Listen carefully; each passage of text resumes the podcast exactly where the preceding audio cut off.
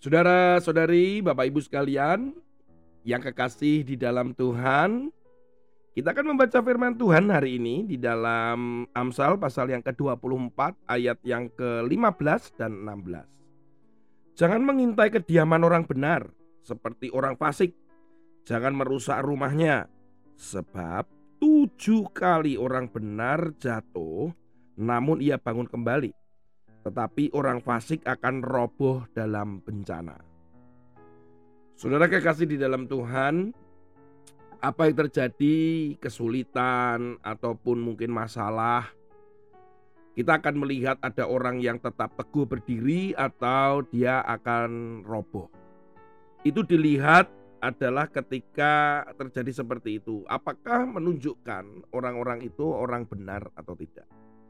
Ayat ini menjelaskan bahwa yang pertama, pertama bahwa kalau kita melihat orang benar, orang yang kita jangan mencoba berusaha menjatuhkan atau kita berusaha untuk terus mengintai. Kata-kata mengintai itu adalah dengan maksud yang jahat, bukan dengan maksud yang baik.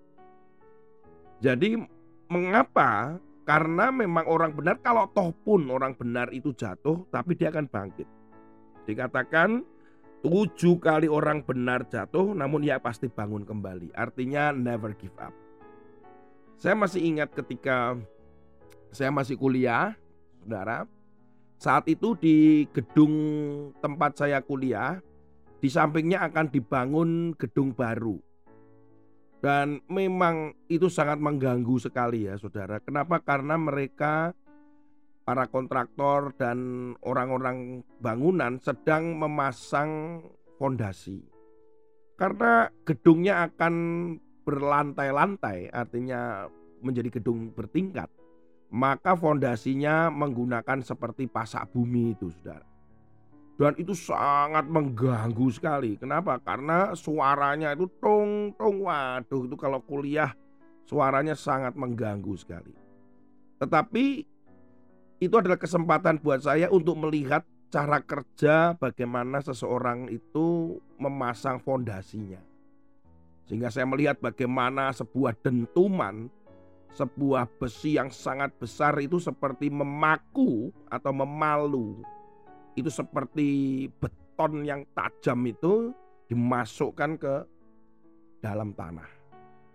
Dan sempat saya tanya ini sampai berapa meter pak apa tiang panjangnya cuma satu Oh tidak, ini tergantung dari uh, satu bahwa seberapa tanah itu mencapai titik yang paling dalam dan itu yang memiliki landasan kuat. Yang kedua juga tergantung pada berapa tinggi bangunan yang akan dibangun. Saudara kekasih di dalam Tuhan, ternyata fondasi ini penting sekali. Oleh karena itu dikatakan bahwa kenapa orang benar itu ketika dia jatuh tujuh kali dia akan bangkit tujuh kali. Masa-masa berat pasti setiap orang percaya pernah alami.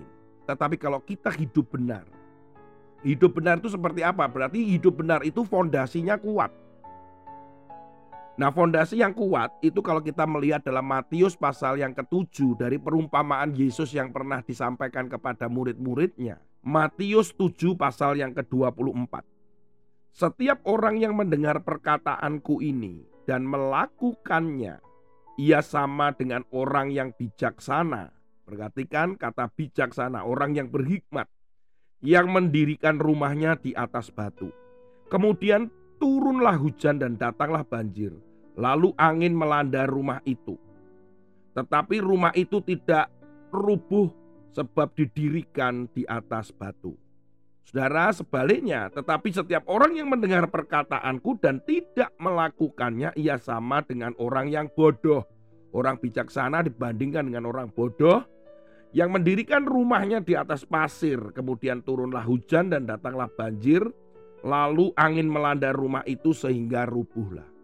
Jadi sekarang kita ini tahu, ketika orang yang mengatakan dirinya percaya kepada Yesus, Kemudian ketika masalah melanda dan kemudian dia melakukan hal-hal yang bodoh atau marah dengan Tuhan atau kemudian orang ini meninggalkan Tuhan atau orang ini melakukan hal-hal yang berdosa atau dia tidak punya semangat lagi nggak bisa bangkit lagi berarti jelas bahwa orang tersebut adalah orang yang tidak berdiri di atas batu.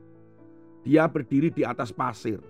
Artinya bahwa dia sering mendengarkan firman Tuhan. Kita sering mendengarkan firman Tuhan, membaca firman Tuhan, mendengarkan renungan, tetapi dia tidak melakukan setiap firman yang didengar dan dibaca itu. Dia mengalami kelemahan, dia mengalami ketidaksemangatan dan tidak bisa bangun lagi. Saudara kekasih di dalam Tuhan, saya berdoa supaya saudara menjadi orang-orang yang kuat, strong gitu. Yang tetap berdiri ketika jatuh berkali-kali.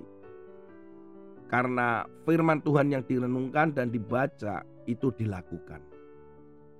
Semoga firman Tuhan dan renungan hari ini memberkati saudara dan terus saudara tetap kuat melakukan firman Tuhan. Sampai ketemu dan sampai jumpa di lain kesempatan. Tuhan Yesus memberkati saudara. Amin. Saat badai melanda. Saat susah dan lemah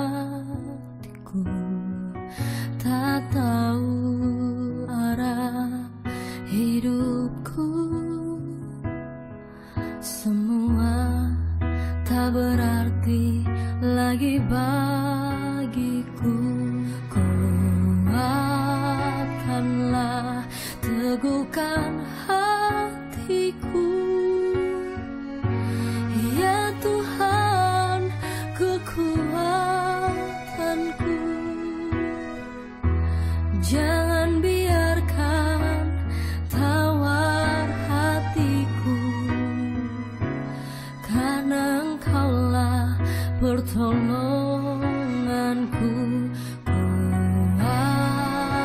Tuhanlah teguhkan hatiku.